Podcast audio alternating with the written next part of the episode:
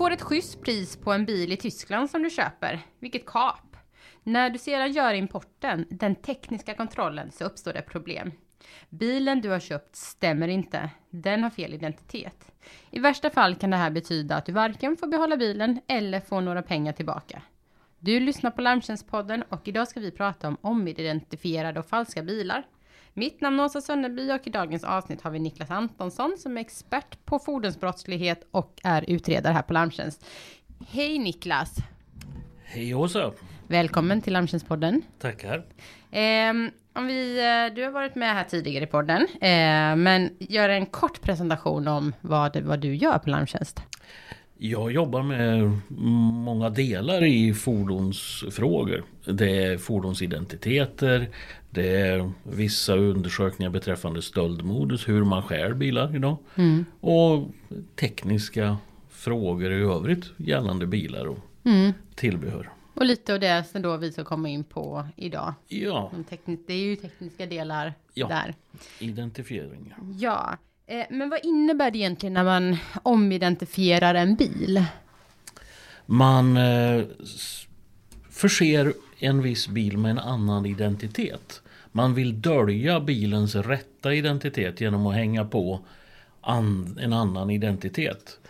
Och på så sätt så försvårar man ju, eller i vart fall eh, möjligtvis också förhindrar upptäckten av vilken bil det egentligen är. Så min följdfråga var egentligen eh, varför man gör det, men den har du eh, svarat på. Det. Man ja. vill förhindra att man vet, ser vilken bil det är. Ja. Men eh, vilka är det som gör det här? Det är väl framförallt de organiserade eh, grupperingarna mm. som stjäl bilar. Och de ska skaffa sig en avsättningsmarknad för det de har stulit. Och då gör man en omidentifiering för att lura folk och köpa den här produkten som egentligen då är stulen. Mm. Och tjäna pengar på det. Mm. Så personen i fråga tror att det är en, en, en äkta bil om man säger så? Ja. Med rätt den identiteter? Som, den som köper den då, han har ju inte en aning om att det här är något fel. Utan han tror ju att det här är en schysst och fin bil. Mm. Men är det vanligt förekommande att man, eller att då det här kriminella omidentifierar bilar, att det är falska bilar ute på, på våra vägar och som är till försäljning och vidare? Ja, tyvärr så är det väldigt, eller väldigt vanligt, men det är vanligt förekommande att bilars identitet är förändrad. Och många av dem rullar på våra svenska vägar. Och det innebär ju också då att många vanliga icke ont anande eh, medborgare blir lurade. Men hur är det möjligt egentligen, jag nämnde lite precis här i inledningen, men hur är det egentligen möjligt att de här ens kommer in i, i Sverige? Jag tänker på kontroller vid import och så vidare. Mm. De här killarna och tjejerna som gör det här är ju duktiga. Ja. Så de gör jättefina omidentifieringar som lurar systemet. Ja. Att det är svårt att upptäcka dem. Det finns ju eh, några som gör eh, dåliga omidentifieringar som man borde se direkt. Men det finns också sådana som eh, gör jättefina jobb och de kommer in i, bilen kommer in i systemet och, och säljs som en vanlig bil här i Sverige. Mm. Men om jag har förstått det rätt eh, så kan man göra det av lite olika egentligen anledningar när man kommer in på de här orkanskadade bilarna till exempel. Eh, som man eh, eh, reparerar upp men eh, då, då, kanske man använder vissa, vissa som jag förstår det, reparerar man upp men kanske använder samma identitet. Men sen finns det också bilar som man eh, reparerar upp men kanske använder då chassit från någon av de här orkanskadade bilarna. Ja, det, det, det finns ju olika utsträckningar hur mm. långt man går i sin omidentifiering. Mm. Men en variant är ju att man har ett chassi som är okej. Okay, mm. Men som man fyller med stulna delar. Mm, okay.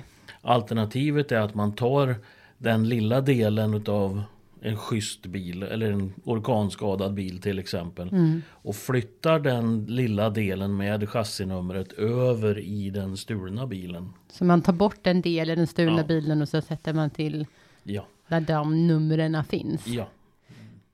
Men det finns ju också, eh, då börjar vi prata om kloning, där man faktiskt, du kanske kan berätta kort om det Mm. också. Det är ju när man gör en dubblett utav en redan existerande bil. Ja. Eh, låt oss säga en bil som rullar här i Sverige. Man eh, lånar den identiteten, sätter det på en stulen bil och exporterar den till ett annat land. Mm. Och då när man tittar på bilen när, när den kommer till det andra landet då ser man att det här är en svensk bil tror man. Mm. Och att man då släpper igenom den och, ja, och den blir inregistrerad i ett annat land. Men den ursprungliga bilen rullar fortfarande kvar här i Sverige. Så en bil som är den riktiga bilen är Sverige och sen Mm. så finns, kan det finnas någon annan ute i Europa som är kanske då en, ja, eller Mm. en stulen bil men som har den svenska identiteten. Jajamän. Men eh, vad är det för kunskap som krävs för att kunna, ja men, både stansa och, eller om man gör på det andra sättet när man plockar delar och Mm. byter och, Eh, när man byter och bygger ihop bilen med, med stulna delar så, så krävs det ju stora kunskaper och mekaniska kunskaper hur Mm. man bygger ihop en bil och får det att lira allting. Sen är det också naturligtvis så att det kräver en kunskap om vad är det för någon märkning som ska bytas? Hur ska man göra det här? mm, Och eh, Samtidigt då så är det ju så att man kan ju inte sätta en identitet från låt oss säga en, en Volvo kan man inte sätta på en Saab. nej. För den identiteten, det är uppenbart att det är fel. Va? Ja. Utan mm, det tjuvarna gör det är ju att de försöker att hitta en bil som är så lika. Som möjligt. Alltså man har en, en donatorbil eller mm, ett fordon där identiteten kommer ifrån. Mm. Ja men den ska ju vara identisk beträffande färg och utförande, karossutförande, vilken utrustningsnivå det är på bilen. Då försöker de ju hitta en så nära Mm. liknande bil som möjligt för att det här ska bli så bra som möjligt för dem sett. Mm. Så eh, både det här mekaniska kunna eh, sätta ihop bilarna men också hela, hela kunskapen om eh, kaross och allt Mm. som krävs om själva bilen och fordonet. Mm. Och sen naturligtvis då också hanteringen. Hur, hur gör hur genomför man en import i, de olika Mm, länderna? Vad är det för någonting som krävs? Vad är det för något dokument man ska ha? Och det är ju något som man har med sig. Och, och ju bättre man är på de här delarna desto Mm. bättre går det. Man kommer i, bilen kommer igenom och den förefaller att vara mer äkta om vi nu säger så. Då. Mm. Ja, det är kanske inte något man gör bara en gång, utan man håller väl på med den här eh, verksamheten och lär sig hur de olika systemen fungerar också. Men vad är det för, de här bilarna nu då, som kommer in och man, man köper den här och den, eh, utan att man vet om det, så är den, den falsk, man åker omkring med en falsk bil. Vad är det för risker med att eh, eh, med att ha den här, bortsett från att man faktiskt kan förlora bilen då och det kan bli den här ekonomiska förlusten, men vad finns det för andra risker? Det är ju framförallt eh, kvaliteten på bilen, alltså trafiksäkerhetsmässigt. Har man bytt eh, den del där chassinumret finns. Eh, på en del bilar så sitter den till exempel på fjäderbenstornet eh, fram i, eh, i motorutrymmet. Och i vissa lägen då så har man bytt hela fjäderbenstornet. Och det påverkar ju bilens säkerhet.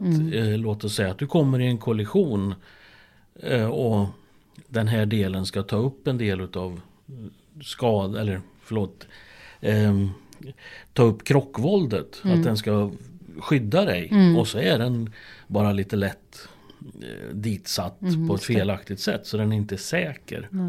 Och det är väldigt farligt. Ja, trafiksäkerheten helt enkelt som... Eh, eh, jag tänker på de här bilarna. Vi har pratat, de hamnar ju faktiskt hos, om, man ska säga allmänheten, eh, som kanske inte vet om det, men de körs, körs de även av kriminella eller vilka är det som slutmarknaden är hos? Jag tror ju nog till största del så är det hos en vanlig icke ont anande medborgare. Ja. Sen naturligtvis, de kriminella vill ju ha flashiga bilar som inte kostar så mycket. Och där har du en del utav marknaden också.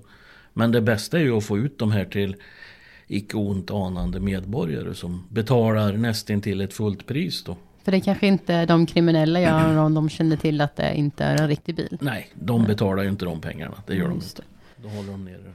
Men varför kan man säga varför det är viktigt att jobba mot det här? Vi måste ju sätta stopp för de kriminellas marknad. Ja. Det är ju där vi, vi ska ju förhindra att de ska tjäna pengar. Om vi kan täppa till att medborgarna inte köper den här typen av bilar, ja då har de helt plötsligt ingen avsättningsmarknad. Och då tjänar busarna inte pengar. Och det är dit vi vill. Men hur jobbar, hur jobbar branschen och hur jobbar man mot det här? Ja, man har ju tajtat upp eh, rutinerna i hur man ska genomföra en import. Eh, Man tittar först på den kamerala biten av fordonet. Hur, att allting är okej. Att det inte är en krockskadad bil som kommer in. Att det är att bilen verkligen är här så det inte är en, en, en klonad som man tar med sig identiteten bara, bara hit. Eh, och då, då jobbar man ju på så sätt man tittar på eh, kamerala biten och sen också gör en ordentlig grundlig inspektion utav bilen. Man tittar på bilen, är det här rätt bil i förhållande till de papper som man har presenterat? Just det. Och det genomförs ju på alla bilar som importeras till Sverige. Eh, vad ska man... Eh, om man nu ska... Jag förstår ju att det finns en, en risk när man ska importera en bil då till exempel. Eh, men vad, vad kan man tänka på eh, som, som bilköpare om man nu ska importera en bil? Vad, vad finns det? Har vi några tips där på vägen?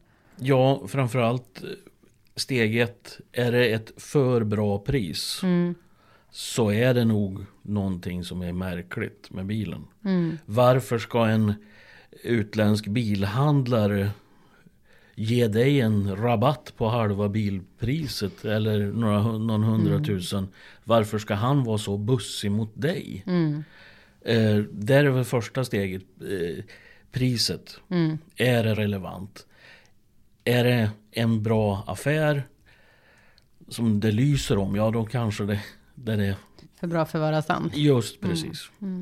Och då att man tittar på, på priset och sen försöker utröna så mycket som möjligt om historien på bilen.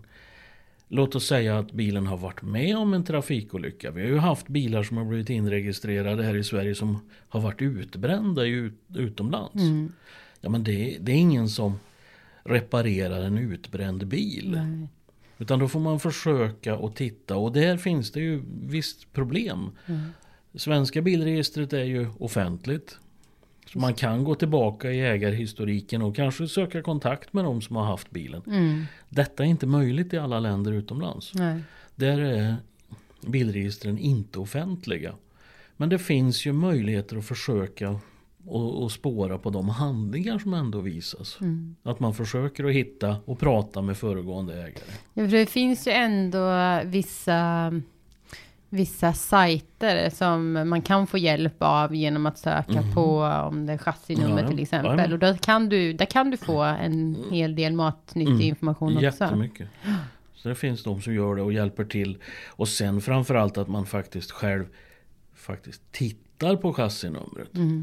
Eh, Jag kan väl erkänna att innan jag började med den här fordonsutredningar hade jag aldrig tittat på ett chassinummer när jag köpte en bil. Nej. Och det, ja, nu köpte ju inte jag bilar i den klassen då Nej. på den tiden. Men eh, man, eh, man bör titta och läsa av chassinumret. Och kanske också om man nu ska åka ut utomlands och titta. Ja men då kanske man ska göra en liten stilstudie här hemma. Åka och titta på liknande bilar och titta på identiteterna. Hur ska det se ut? För vi har ju tyvärr fått in bilar som har sett ut, ja chassinumren har varit som kråkorna har dansat. Så det borde en normal ha sett att det här stämmer inte. Vi har ju också fått de som har kommit med helt fel chassinummer i förhållande till de registreringshandlingarna som har visats. Så, li, så lite, lite eget, an, även om det finns, som vi har tidigare pratat om, de som gör det så himla bra att det är svårt även för experten Mm. att se, så finns det ändå lite saker som man, man ska kanske vara lite eh, kunnig om man ska ta då möjligheten Mm. Ja. att, eh, om man vill importera en bil så kanske det, det krävs lite eget ansvar också. Ja men det måste man ta. Det måste man ta för det här är så stora värden vi pratar om i regel. Så det här är, man måste man måste vara kritisk till affären och varför och fordonet. För det är ju inte bara det här med identiteten är fel.